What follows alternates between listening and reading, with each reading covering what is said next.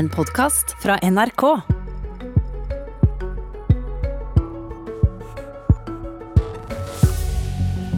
Forurenser skal betale, og økt CO2-avgift er nøkkelen for å få ned utslippene. Det samler Stortinget seg om i dag.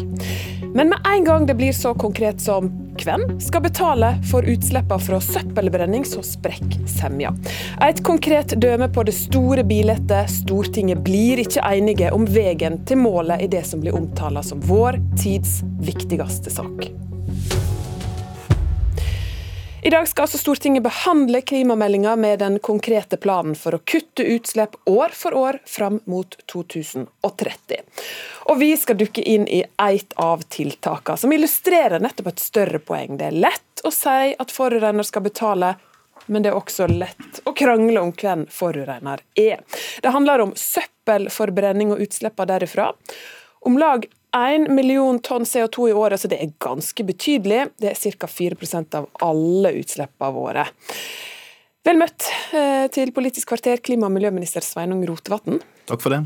Regjeringa vil altså at disse anleggene, som er bl.a. eid av norske kommuner, skal betale en stadig økende CO2-avgift for utslippene av masse søppel som de ikke har laga sjøl, men tar imot fra oss søppelkastere. Flertallet er imot, alle fra MDG til Frp. Hvorfor skal uskyldige forbrenningsanlegg betale? Fordi den mest effektive klimapolitikken er at den som slipper ut klimagasser, betaler for det, slik at det lønner seg å slippe ut mindre klimagasser gjennom å investere i grønnere, klimavennlig teknologi. Det prinsippet gjelder for bil, det gjelder for fly, det gjelder for industri. Og det bør også gjelde for avfallsforbrenning, og det er det regjeringa har gått inn for, i alle fall. Eh, så Vi er jo glade for at det er brei støtte i Stortinget generelt til klimaplanen vår, det er positivt. Men jeg syns det er beklagelig at eh, opposisjonen setter å samle seg om at du skal gjøre unntak fra forurenser betaler-prinsippet når det gjelder avfallsforbrenning, som altså er de største punktutslippene i ikke-kvotepliktig sektor, med utslipp tilsvarende hundretusenvis av biler hvert år. Det bør også ha en kostnad. Men poenget er at forbrenningsanleggene kan ikke noe for hvor mye søppel de må brenne? Forbrenningsanleggene opererer jo i et marked og konkurrerer om kunder. Eh, og De gjør en jobb, og den jobben medfører høye klimagassutslipp. Det kan en gjøre noe med. Du kan f.eks. sortere avfallsstrømmer på en smartere måte, slik at du gjenvinner mer plast i stedet for å brenne det. Men nå må det lønne seg mindre å brenne det. Du kan ikke minst sette i gang med karbonfangst og -lagring, slik det er konkrete planer om. Og som i Klimakur, som er faggrunnlaget for hele klimaplanen til regjeringa, der så en på det og kom fram til at karbonfangst og -lagring det kunne bli lønnsomt på de største avfallsbehandlingsanleggene våre, i Oslo, i Trondheim, i Bergen, med en høy CO2-avgift, som regjeringa har foreslått. Men hvis det skal være gratis å slippe ut CO2, så vil det jo ikke lønne seg. Men også du skriver at, at en sånn CO2-avgift er ikke nok til å gjøre investering i karbonfangst og -lagring lønnsomt i 2030. Det står i klimameldinga di. Ikke i starten, fordi at CO2-avgifter skal jo øke gradvis utover 2020-tallet. Men regjeringa har jo allerede gått inn med milliarder i grunninvestering i infrastruktur for karbonfangst og -lagring, fordi vi tror det er nødvendig å ta et tidlig grep. Mm. Men problemet er jo at det vil ikke lønne seg for alle de nye anleggene skal få opp og gå etter hvert på mange ulike utslippspunkt fra avfallsforbrenning, hvis det skal være gratis å slippe ut CO2. Og Det er jo det opposisjonen foreslår, og det syns jeg er et problem. Vel møtt også til deg, Espen Barth Eide, klimapolitisk talsperson for Arbeiderpartiet. Ok, Da står vi der da at forurenser skal betale, det du enig i, men ikke når det er et kommunalt eid søppelanlegg? Vi er grunnleggende enig i at forurenser skal betale. Eh, og eh, Det blir jo bred enighet i dag i Stortinget om at man skal eh, ha en gradvis økning av CO2-prisen i Norge opp mot 2000 kroner. og Det, det er et, et, et, bra prinsipp. Det ligger der. Men hvorfor men, er ikke søppelanlegget en forurenser? Men Poenget er at vi må nettopp som du sa innledningsvis, vi må definere hvem forurenseren er. og Det er jo da de som er årsaken til at det ikke ikke-resirkulerbare avfallet oppstår, som bør betale dette. Og Det er det som det nå har blitt en enighet om, hvor alle partiene på venstresiden og Frp har gått sammen og derved fått flertall for det punktet. Denne avgiften skal betales. Den skal betales på produsentleddet, eventuelt konsumentleddet hvis det er importerte varer, slik at f.eks. plast som ikke kan resirkuleres, blir dyrere, og produkter som kan ombrukes, resirkuleres, blir billigere. Fordi vi har gått på en rekke forslag og en, god tekst, mener jeg, om at vi må styrke innsatsen innsatsen for en såkalt sirkulærøkonomi. Altså at det må være minst mulig avfall bør ende okay. i forbrenningsovnen. Mest mulig må gå til gjenbrenning. Og da må vi gjøre det dyrere å faktisk omgi oss med de produktene som til slutt må brennes. Ja, betyr det at du mener at hvis en øker CO2-avgifta for søppelanleggene, så vil ikke utslippene gå ned? Jeg sier at jeg vil også at det skal betales for de utslippene. Jeg vil bare at det er de som er den egentlige årsaken til at eh, vi må fortsatt ja, må forbrenne plast. Ja. Hvis avgifta blir innført på søppelanleggene, som kommunene ofte eier og dermed må Det kan jo bl.a. føre til at del, mer søppel blir eksportert til andre land, f.eks. Okay.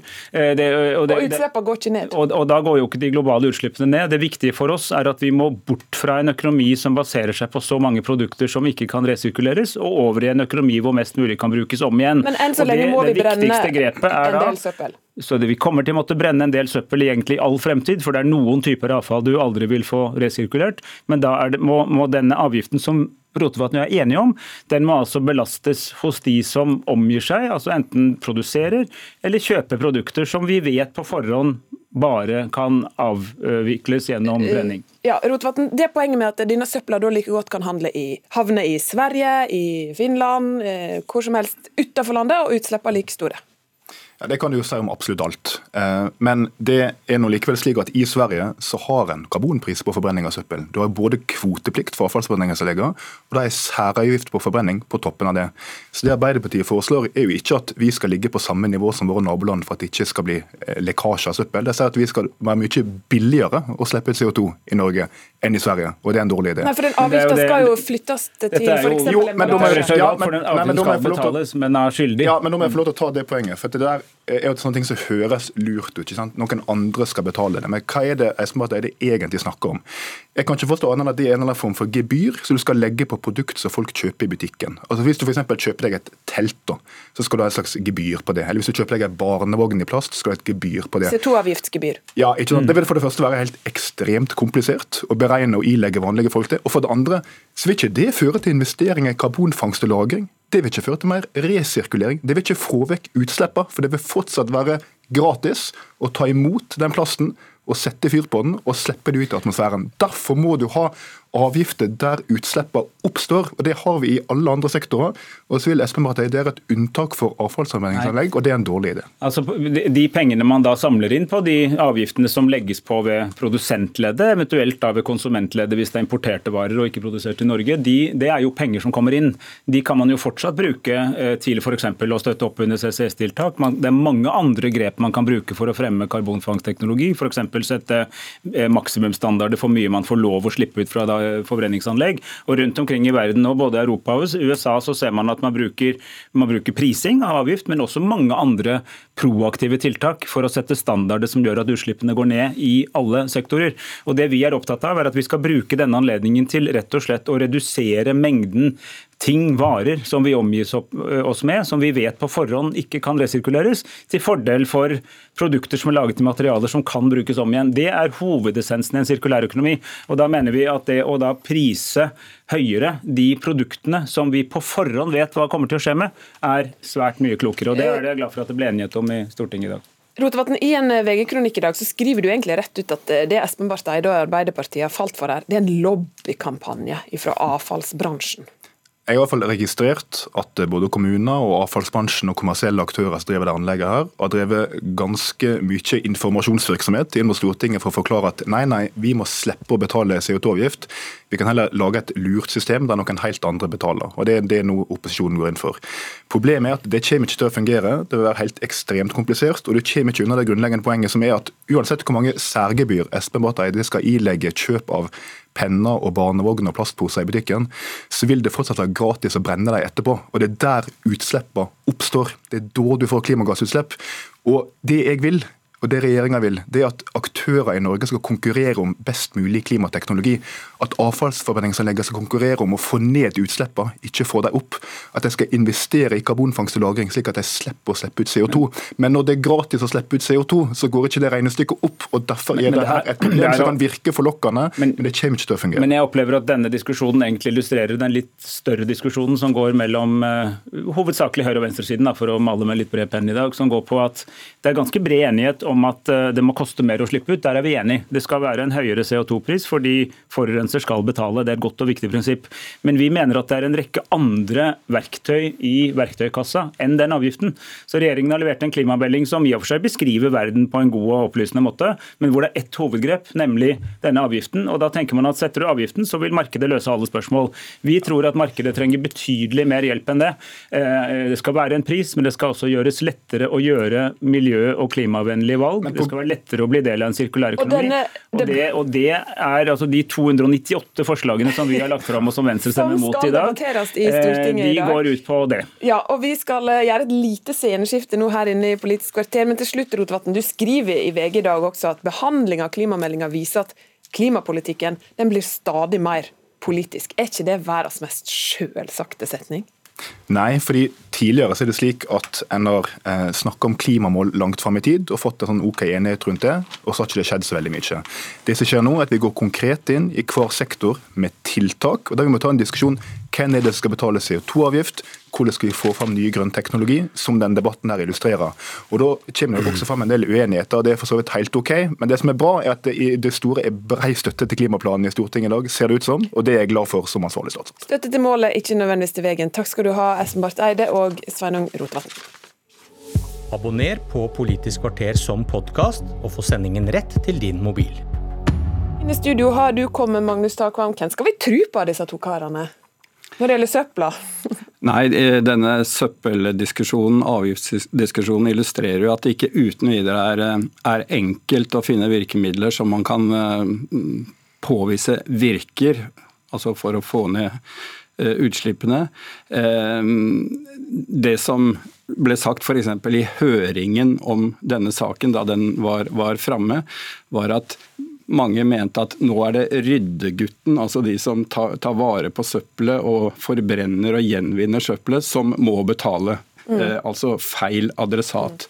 Og det er nok mange som mener at denne avgiften, eh, en CO2-avgift på forbrenningsanlegg, egentlig er en fiskal avgift. Altså det er en eh, avgift som bare, bare skaffer penger til staten. for de som dere har vært inne på, de som forurenser, de som uh, lager denne plasten, som står for det aller meste av CO2-utslippene, uh, de får ikke noen økt uh, kostnad. Og effekten kan bli, siden det er et lukket marked for avfall i Norden, så går den f.eks. mye av den til, til Sverige, der man har mye høyere inntekter, for elprisene er høyere osv. Så, videre. så Så det er ikke uten videre enkelt. Og Så kan noen tenke at dette var nå en liten sak å diskutere, så la oss zoome litt ut av klima klimameldinga vår tids største sak. Vi har ingen tid å miste. Det er ikke så ofte jeg eh, legger merke til at du har litt sånn hjertesukk mm. rundt politiske mm. prosesser, Magnus Takvam. Jobben din er å gi mer eller mindre kjølige analyser av politikken. Mm. Er du litt oppgitt her? Ja, Det kan du godt si. Eh, og det har litt sammenheng med at politikerne eh, så å si alle sier at de står inne for det som er nedfelt i Parisavtalen. Og hvis man skal ta det på alvor, så må det veldig kraftig lut til. For den går ut på at i 2050 så skal det være netto nullutslipp av CO2 på kloden. Og denne planen fram til 2030 er bare på en måte en etappe på veien dit. Og alle har fått med seg at eh, både verden som kollektiv, kloden, og også Norge, langt fra er på en realistisk bane for å få til det. Og da er hjertesukket kommer av at man da ikke stiller opp med et tydelig flertall som har en klar bane for å, for å gjøre disse skrittene eh, mot dette, dette, mye, dette skjerpede målet. Ja, fordi de setter seg jo aldri ned rundt et bord på Stortinget for å diskutere kompromiss og løs, felles løsninger eh, i denne saka? Nei. Eh, man kan godt si at eh, resultatet av denne behandlingen er at partiene i veldig stor grad bare står på sin egen primærpolitikk. Og det skaffer jo ikke eh, flertall for noe, og gjør heller ikke at det blir forutsigbart for aktørene, næringslivet, hva de kan forvente av f.eks. avgiftsbyrde framover. Og det kommer av at på begge sider av streken, altså både Frp og Senterpartiet, prinsipielt er mot det største grepet i klimameldingen, å tredoble CO2-avgiften fram mot 2030. Og hva skjer da i budsjettforhandlingene til høsten hvis det blir en borgerlig regjering eller en rød-grønn regjering? når det er den typen blokkerende mindretall. Det er liksom det store tankekorset, føler jeg. Mm. Takk skal du ha, Magnus. Eh, Stortinget behandler altså denne omfattende klimameldinga som ble veldig veldig lang, med mange merknader fra alle partier senere i dag. Politisk kvarter er slutt. Det heter Ingunn Solheim. Du har hørt en podkast fra NRK. Hør flere podkaster og din NRK-kanal i appen NRK Radio.